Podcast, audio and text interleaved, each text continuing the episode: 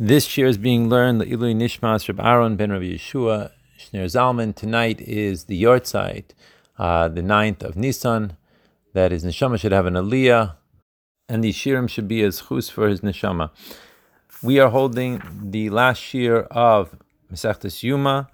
We're on Perek Ches, Mishnah Ches.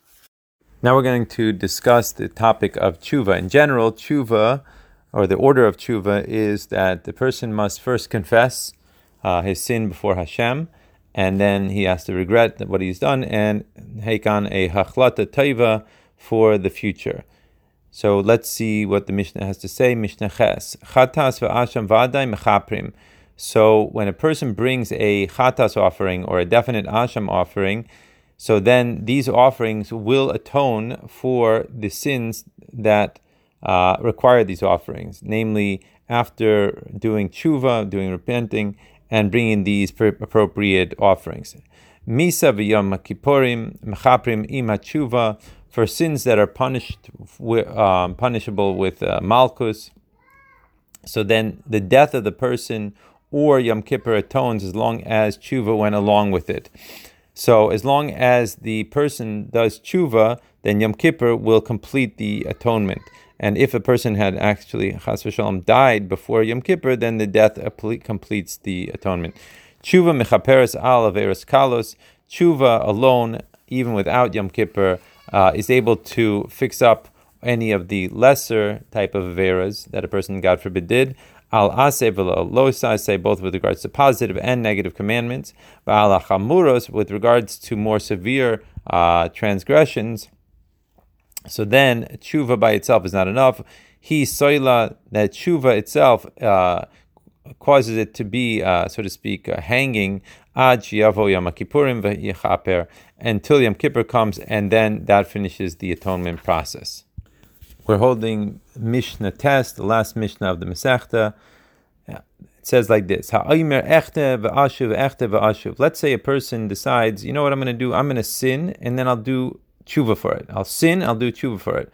So ein maspikin biyadullah says tshuva, then Hashem does not allow him to do uh, tshuva for this because he's using the tshuva as an opportunity, as a way, as a tool with which to sin. A similar situation, echta b'yom kippurim mechaper.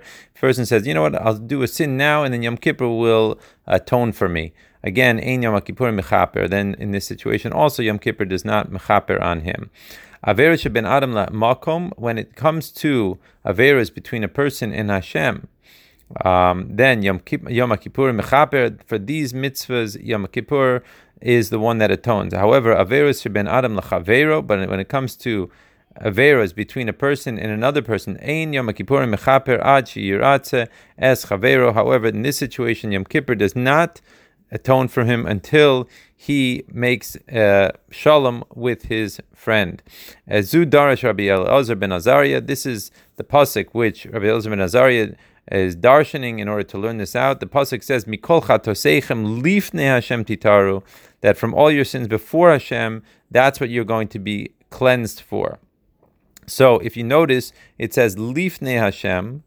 Uh, these words of lifnei Hashem before Hashem um, can be interpreted as describing dafka the, the words that are mentioned in the verse.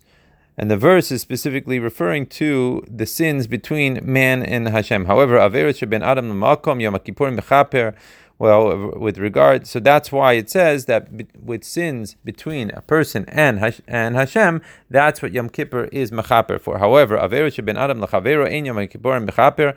However, with regards to averus between a person and another person, Yom Kippur does not mechaper from achi ratzes chavero until he appeases or he makes shalom with his friend.